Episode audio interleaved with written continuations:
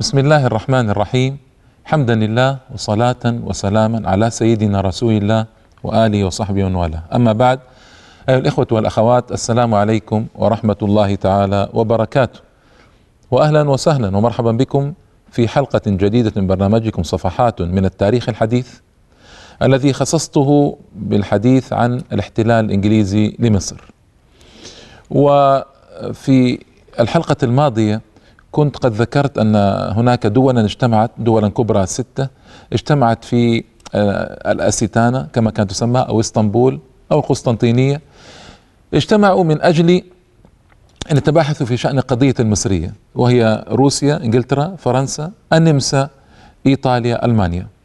ولم تحضر الدولة العثمانيه للأسف رفضت الحضور ورأت أن المسألة غير مهمة. مع أنها مسألة خطيرة وخطيرة جدا. والإنجليز آه، خلى لهم ال- الجو كما يقال واستطاعوا فعلا أن يصلوا إلى صيغة عجيبة. المجتمعون اتفقوا ألا يتدخل ألا تتدخل دولة في مصر إلا بموافقة الدول كلها مشتركة وباتفاق عام. فاللورد دوفرين وهو أحد ثعالبة السياسة الإنجليزية آه، راوغ وماطل وحارب من أجل إضافة عبارة صغيرة تقول إلا في الظروف القهرية. ومن هذه العبارة فرحت إنجلترا فرحا شديدا أن تستطيع أن تتصرف وت- وتخلق ظروفا قهرية في مصر. وقلت لكم أن الظروف كانت أحوال مصر والعراق للأسف والانفصام ما بين الخديو والحكومة بل ما بين الخديو والشعب المصري كله تقريبا وأن الشعب المصري كان يطالب بعزل الخديو. كان هذا ظرف قهري بالنظر إلى السياسة البريطانية. أيضا حادثة المالطي في الإسكندرية والأوروبيين الذين قتلوا. وكانت هذه حادثة أخرى حدثتكم عنها. كان هذا ظرف قهري أيضا.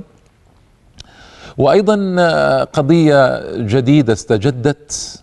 وهذه من أعجب ال- القضايا سمعتها في حياتي. أن آه، سيمور وهو القائد البحري الإنجليزي الذي كان مرابطا أمام الإسكندرية قال أنا لاحظت أن المصريين يرممون الحصون وينصبون المدافع عليها وهذا يعد عملا عدائيا. وهذا من العجب العجيب فإن أي دولة طبيعة الحال يكون العدو أمامها تسارع إلى تحصين نفسها وإلى ضبط حدودها وإلى الدفاع عن نفسها وشرفها وعرضها ودينها وقومها. شيء طب شيء طبيعي جدا. لكن كان هذا عند الإنجليز عملا عدائيا. هكذا. وأذنت إنجلترا لسيمور بضرب الحصون وبضرب القلاع التي تتحصن أمام الإنجليز. ويا للعجب وعدوا هذا ظرفا قهريا وعملا عدائيا. والمجتمعون في إسطنبول ما زالوا يتناقشون ابتدأت إنجلترا بإجلاء رعاياها وعلى رأسهم قناصلها. فجلى قنصل الإسكندرية وقنصل قنصلها في القاهرة وقنصلها في بورسعيد مما يدل بوضوح على نوايا القوم. وأنهم لا ينتظرون مؤتمرا ولا ينتظرون شيئا. وتبع ذلك ال- الجلاء جلاء عشرات الآلاف من الرعايا الأوروبيين. في مصر. حتى آه، بعضهم جلى إلى الداخل إلى داخل البلاد وأكثرهم خرج خارج مصر تحسبا لمجريات الأحداث وان سيكون هنالك ضربة. طبعا إنجلترا مخططة وقلت لكم من المرة الماضية انها ستضرب ستضرب بغض النظر عما ستؤول إليه نتيجه المؤتمر بغض النظر عما آه، يؤول إليه الأمر في تركيا بغض النظر عما يؤول إليه الأمر في مصر. ستضرب ستضرب لكنها تريد أن تخترع حالا قهريا كما قالت إلا في الأحوال القهرية. تريد أن تخترع شيئا. فاخترعت قضية الحصون هذه. ومع ذلك أرسل عرابي قائد الأسطول المصري إلى سيمور في البحر يكذب هذا الادعاء ويقول هي ترميمات كانت موجودة للحصون ولا بد منها لبقاء الحصون سليمة. وليس هنالك نية في ضرب الأسطول الإنجليزي وليس هنالك نية في المقاومة. يعني آه، المقاومة ال- ال- نسميها الابتدائية. يعني هم يسارعون بالضربة قبل أن يضربوا. وهذا يفترض أي دولة يكون ال- الأساطيل مرابطة أمام بلادها وأساطيل حربية فيها مدافع أن تضربها. أصلا هناك عندنا اليوم شيء اسمه المياه الإقليمية وما تدخل أصلا آه، أساطيل أجنبية أساطيل تجارية حتى ما تدخل إلا بإذن. فما بالكم بأساطيل أجنبية حربية محملة بمدافع ومحملة بعشرات الآلاف من الجنود؟ كيف تدخل هذه وترابط أمام الإسكندرية أصلا؟ كان يفترض وأنا يعني طبعا كل هذا نحن نحاكمهم إلى أحوالنا وعصرنا لكن هم كانوا أضعف من ذلك. كان يفترض أن يبادروا هم بالضرب أصلا ولا ينتظرون احدا ولا ينتظرون إذن من أحد. المصريون كان يفترض أن يبادروا بالضرب. هذه يعني بوارج حربية أمام بلادكم ما الذي أدخلها ما الذي جاء بها؟ لكن كانوا أضعف من ذلك كما سآتي عليه إن شاء الله تعالى. لكن ما اقتنع سيمور؟ أنه لا يريد أن يقتنع أصلا. يريدون أن يقتنصوا هذه الفرصة. أرسل سيمور انذارا آخر إلى المصريين أنه بعد أربعة أيام سأضرب الإسكندرية إن لم تسلموا لي انظروا هنا التدرج القلاع والحصون. وهل يعقل أن أمة حرة تسلم بلادها لأعدائها بيدها. فاجتمع أولو الأمر في مصر. طبعا الخديوي هذا كله بمعزل. الخديوي جالس في إسكندرية في قصره والقاهرة تموج بالناس وقلقة ومضطربة. اجتمع الأعيان وجاء المشايخ وجاء أعيان البلد والبشوات إلى آخره وماذا يفعلون؟ بعضهم قرر التسليم قال نسلم. وبعض المؤرخين للأسف الشديد لام عرابي على أنه لم يسلم الحصون من مبكرا للإنجليز. انظروا إلى هذا المؤرخ العجيب الذي يلوم وزير الحربية المصري آنذاك أنه ما سلم القلاع للإنجليز وانتهى الأمر. وهل يعقل أن إنسانا ما عنده ذرة من الإسلام والوطنية كما يسمى تسمى أن يسلم القلاع والحصون إلى الإنجليز بدون حرب؟ يعني هذا فبعض المجتمعين قرر أن يستسلم آه، أو يعني رأى أن تستسلم مصر للإنجليز وانتهى الأمر. لكن ولله الحمد أن أكثر المجتمعين رفضوا هذا وأرسلوا رسالة ل آه، وطبعا يوصلها إلى إنجلترا يفترض ما أدري أوصلها ولا لا الله أعلم. لكن المهم أن نحن أمة تحب السلام وتحب الهدوء ونحن لا يمكن أن نسلم قلاعنا ونسلم مدننا بدون آه، قتال وان لم نفعل شيئا أصلا آه، يستأهل ذلك كله. ولماذا هذا الاجتماع لهذه الأساطيل أمام بلادنا؟ ونحن لم نفعل شيئا. وكانت رسالة مؤثرة لكن حتى أنهم قالوا من باب التنزل اختر آه ثلاثة من المدافع ننزلها من أي حصن تشاء للأميرال سيمور. ولن آه ممكن ننزل وأن المدفعية المصرية لن ترد إلا بعد الضربة العاشرة. تصوروا بعد الضربة العاشرة تبدأ ترد. طبعا ما اقتنع سيمور وأرسل إنذارا أخيرا أنه بعد 24 ساعة وكان في 10 يوليو 1882 موافق سنة 1299 للهجرة يعني على مفتتح القرن الرابع عشر الهجري قبل 130 سنة من الآن. أرسل إنذارا أخيرا أنه صباح غد مع شروق الشمس سنبدأ بالضرب إن لم تسلموا. آه هذا كله والدول المجتمعة في إسطنبول وتتناقش في المسألة المصرية ماذا يفعلون بها. فالأمر كان مبيتا بليل إذن. آه سيمور بدأ الضرب فعلا في الساعة السابعة صباحا.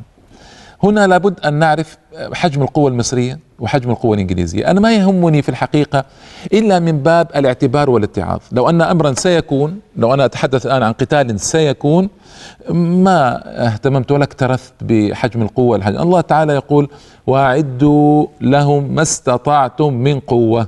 ما استطعتم. ولم آه يريد الله سبحانه وتعالى تساوي بين قوتين وما علق التساوي بين قوتين شرط ما جعلها شرطا للنصر. إنما ما استطعتم من قوة. لكن هل وهذا السؤال المهم هل آه الحكومة المصرية على راسها الخديو هل فعلا أعدت ما استطاعت من قوة؟ هنا أذكر ذلك باب الاتعاظ والاعتبار. وتذكرون في حملة عندما تحدث صفحات في التاريخ الحديث أول ما بدأتها بحلقات الحملة الفرنسية على مصر. وذكرت أنه لم يكن في الإسكندرية إلا مدفعان فقط. مدفعان آه، عثمانيان قديمان يدافعان عن المدينة. هذا كلام قبل الحملة الإنجليزية بثلاث وثمانين سنة.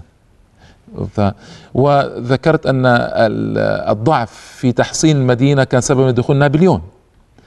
والتاريخ أيها الإخوة والأخوات يعيد نفسه من جديد. والإسكندرية لم تحصن للأسف. والذي رآه سيمور كانت كان تحصينات اللحظة الأخيرة. انظروا للضعف الذي نحن فيه والهوان. هم يعلمون والأساطيل آه، في إسكندرية قبل الضربة بأقل شيء ب 40 يوما إلى 50 يوم. لكن مع ذلك التحصينات لم تحدث في اللحظة الأخيرة. وكان المفترض أن تحدث التحصينات من مدة طويلة قبل المعركة. يعني كتح... أي دولة تدافع عن آه، شرفها وعرضها وأرضها ودينها وقومها تحصن البلد. نحن أيها الإخوة لا نستفيد من عبر وعظات التاريخ. التاريخ يعيد نفسه. كما أن الإسكندرية كانت ضعيفة أمام نابليون هنا ضعيفة أمام سيمور أيضا للأسف الشديد. والاسكندريه كان يسكنها مئة ألف تقريبا وعدد كبير. نسبيا آنذاك كانت المدينة الثانية في مصر بعد القاهرة وكانت المدينة التجارية أيضا والميناء الأساس لمصر. مع ذلك تحصينات كانت شبه منعدمة لذلك سأذكر الآن الأمر بوضوح وماذا كان يجري آنذاك في قضايا النسب بين قوة الحصون والأسطول. قوة الحصون المصرية إلى قوة الأسطول الإنجليزي تقدر بواحد إلى ستة. تصوروا واحد إلى ستة يعني آه، باللغة الحديثة ستة عشر بالمئة عشر بالمئة القوة المصرية بالنسبة للقوة الإنجليزية. المدافع المصرية قصيرة الأمد معظمها ترمي ترمي فتقع في البحر لا تصيب السفن بينما السفن من مكانها تصيب القلاع. الجنود الإنجليز تقريبا ثلاثة أضعاف الجنود المصريين. أنا أتحدث عن البحارة الآن والبحارة المصريين. آه طبعا آه هنا أمر مهم. كيف استطاعوا استطاع الإنجليز أن يضربوا الإسكندرية ويحتلوها؟ كان في الإسكندرية هناك حصون عدة حصون. آه، أهمها حصن آه، طابية كان تسمى طابية آنذاك طابية العجمي. والعجيب أن الإنجليز أو الأوروبيين يسمونها جزيرة المرابط مرابوت هكذا. والمرابط طبعا هو المجاهد الذي يقف في هذه الجزر. يرابط ويراقب العدو وهو قادم ويسارع إلى الضربة الأولى كما يقال. هناك عدة حصون في الإسكندرية سآتي عليها بعد الفاصل إن شاء الله تعالى.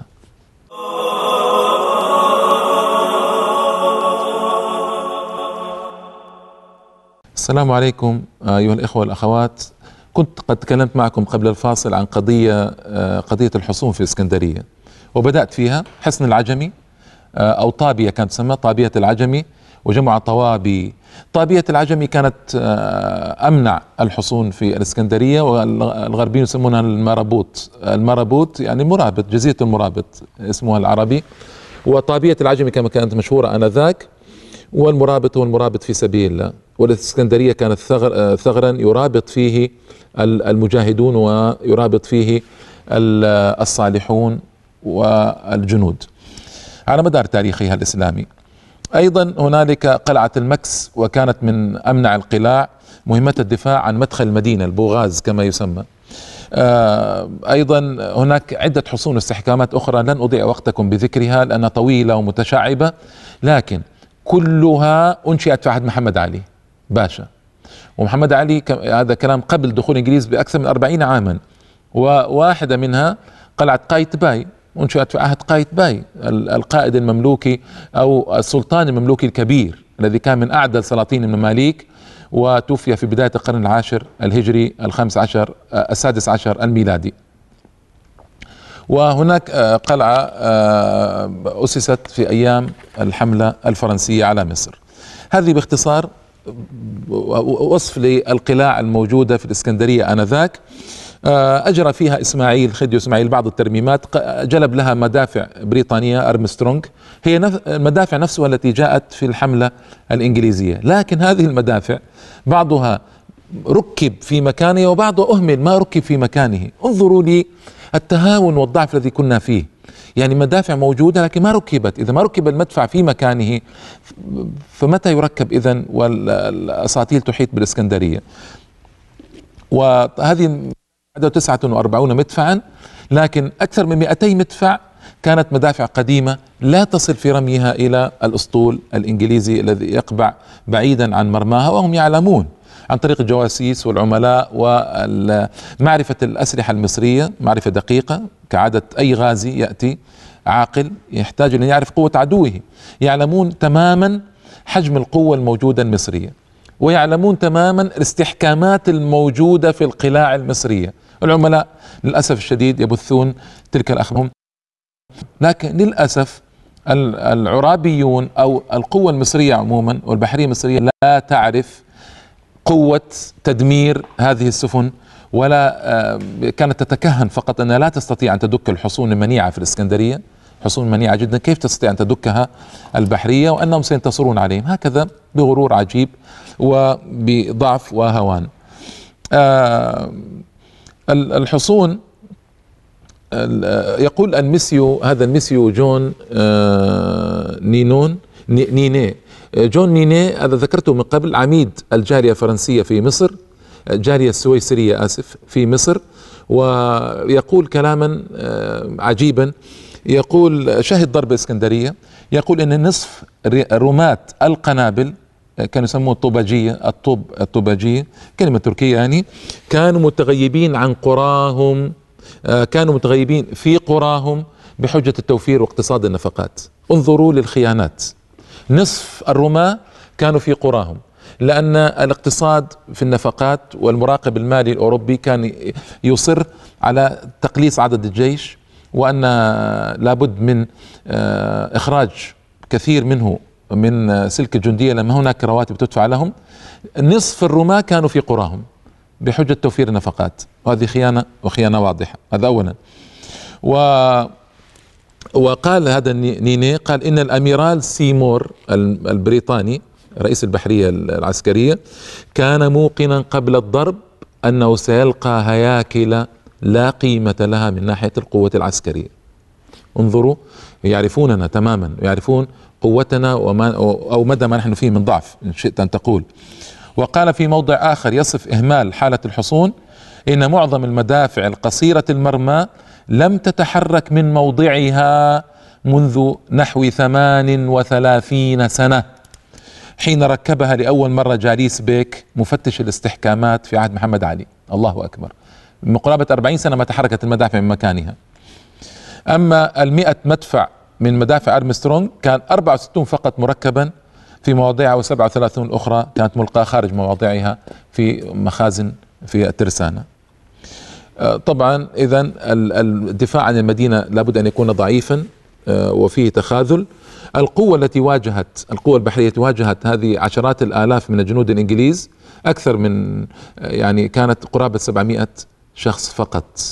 القوة الفعلية. الاسمية شيء غير ذلك لكن الفعلية كان 700 شخص. آه للأسف الشديد آه عرابي يقول في مذكراته أن كان عند يحمي المدينة آه قرابة 12 ألفا من المشاة و700 من الطوبجية. هذا كلام ما رأيناه وسآتي على ذلك ذكره إن شاء الله تعالى. الأسطول البريطاني مؤلف من مدرعات وسفن لا تسأل عن ذلك يعني عن ضبط الأسطول وقوته. آه، مدافعه حديثة جدا أقوى سلاح من مدافع الحصون. كان الأسطول آه، متحركا في البحر والحصون ثابتة. فعندما يرمي المتحرك على الثابت أسهل على آه، عليه كثيرا.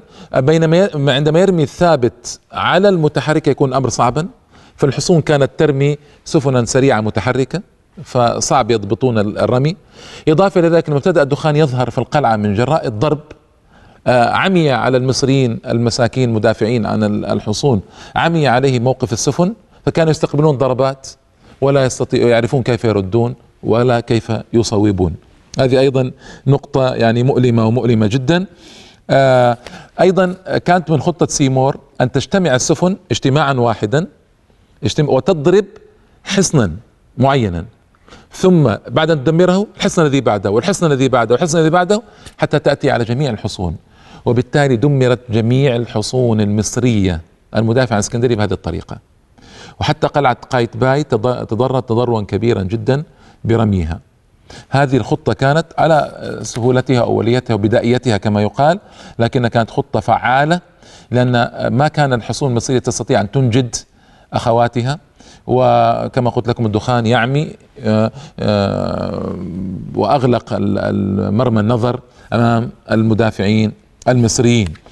آه، كان الضرب من الجانب الأسطول البريطاني شديدا مروعا في الإسكندرية.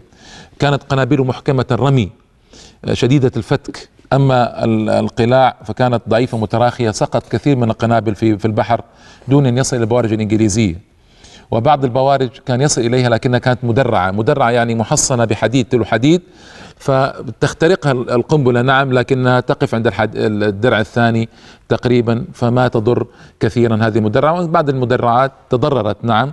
آه يكفي أن أقول لكم إن الذي آه، قتل من جنود الإنجليز كانوا خمسة فقط وجرح تسعة عشر بينما قتل أكثر من ألفين جندي مصري آنذاك. ألفين من الجنود ومن المصريين. الذي قتل من الإنجليز خمسة وتسعة عشر جرحوا فانظروا إلى الفارق المؤلم. وهذا يذكرني بالعراق يقتل آه، مئات العراقيين ويقتل جندي أمريكي واحد. يعني النسبة آه، مؤلمة ومؤلمة جدا. استمر الضرب من الساعة السابعة صباحا إلى الساعة الحادية عشرة صباحا. على أقصى ما يكون من الهول والشدة. قنابل الأسطول تقذف وتحصد الأرواح وتقتل الناس. سكت الضرب قليلا استؤنف الضرب بعد قليل إلى الساعة الثانية ظهرا. سكت قليلا ثم استؤنف إلى الساعة آه، السادسة مساء قبل الغروب بساعة. وتعلمون أن الضرب كان في الصيف والشمس تتأخر في المغيب إلى سابعة وشيء. فقبل الغروب بساعة توقف الضرب. تهدمت الحصون تحولت قلعة قايتباي آه، إلى خراب وقلاع سائر القلاع تحولت إلى خراب. آه، أين الجنود؟ الجنود أبلوا بلاء حسنا في الحقيقة. يعني أنا كل حديثي عن الضعف كان بالنسبة لي ضعف الاستحكامات ضعف الحصون واستحكامات المدا الحصون المدافع ضعيفة وقصيرة المرمى لكن الجنود كانوا أبطالا كانوا يدافعون قدر إمكانهم. ويعني نحن لا نؤتى أيها الإخوة من شجاعة جنود جنود المسلمين. ولا نؤتى من بسالتهم ولا نؤتى من قوتهم ولا نؤتى من تضحياتهم ورغباتهم في الشهادة في سبيل الله خاصة في ذلك الزمان قبل وجود الأهواء والمذاهب التي أضلت كثيرا من الناس. لكن نؤتى من ضعف التخطيط وضعف الإعداد وضعف الاستجابة لقول الله تعالى وأعدوا وأعدوا لهم ما استطعتم من قوة. هذا الذي نؤتى منه وهذا هو الخطر العظيم الذي يتهددنا دوما وابدا.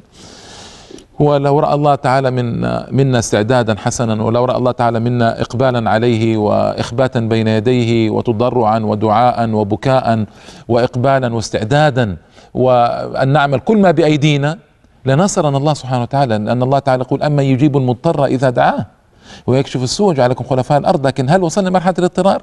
هل أعددنا أصلا الاعداد الجيد أنفسنا؟ سيأتي في تقويم الأمر إن شاء الله تعالى. الحديث عن ذلك آه، ظلوا يقاومون بكل أمانة وقوة وشرف ولم ينسحبوا ولم يتراجعوا وكانت الحصون تدك عليهم دكا ويقتل منهم العشرات بل المئات وهم صابرون في مكانهم راضون بالاستشهاد في سبيل الله. يقول البارون ديكيوزل وكيل مصلحة الجمارك الذي كان على السفينة أمام الإسكندرية يقول في كتاب ذكريات رجل إنجليزي عن مصر لقد ثبت جنود المدفعية المصرية في مواقعهم أمام نيران الأسطول الهائلة الفتاكة ثباتا يدل أو دل على بسالتهم وبطولتهم النادرة. الله أكبر. انظروا هذا النص كيف. و يقول آه، المصريون لم يكونوا يتوقفون عن الضرب ابدا إلا عندما يكرهون اكراها وتتحطم مدافعهم تحطما فعند ذلك يكفون ويقفون عن الضرب. آه، قال الميسيو سكوتيدس وكيل قنصل اليونان بالإسكندرية قال في كتاب مصر المعاصرة وأعرابي باشا كانت قذائف المدافع المصرية تسقط في البحر وهي في منتصف الطريق والبعض الآخر يصطدم بمدرعات الإنجليز الضخمة فيرتد عنها كأنها جسم من المطاط ثم يغوص في الماء. ومع هذا فليس ثمة إلا الإعجاب بما أبداه جنود المدفعية المصرية من البطولة والبسالة والثبات. يعني إذا المدفعية المصرية هنالك إجماع على أنها ضحت وبذلت وقاومت ويعني جنود المدفعيه وفعلوا كل ما عندهم آه، رحمة الله تعالى عليهم وتقبل شهدائهم. ودافعت آه، دافعوا دفاع المستميت. قوة الأسطول كان لها الغلبة في ذلك اليوم. وتهدم معظم الحصون وتهدم كثير من مساكن عروس أهلها دمرتها وأحرقتها. وتفانى بعد ذلك الأهالي في الدفاع عن المدينة. سأذكر في الحلقة القادمة ما هو يعني كيف الأهالي دافعوا وكيف دخل آه، جنود الإنجليز المدينة وسأذكر بعض التفصيلات المؤلمة لكن لابد منها من باب العبر والعظات. اللقاء الإخوة والأخوات والسلام عليكم ورحمة الله تعالى وبركاته.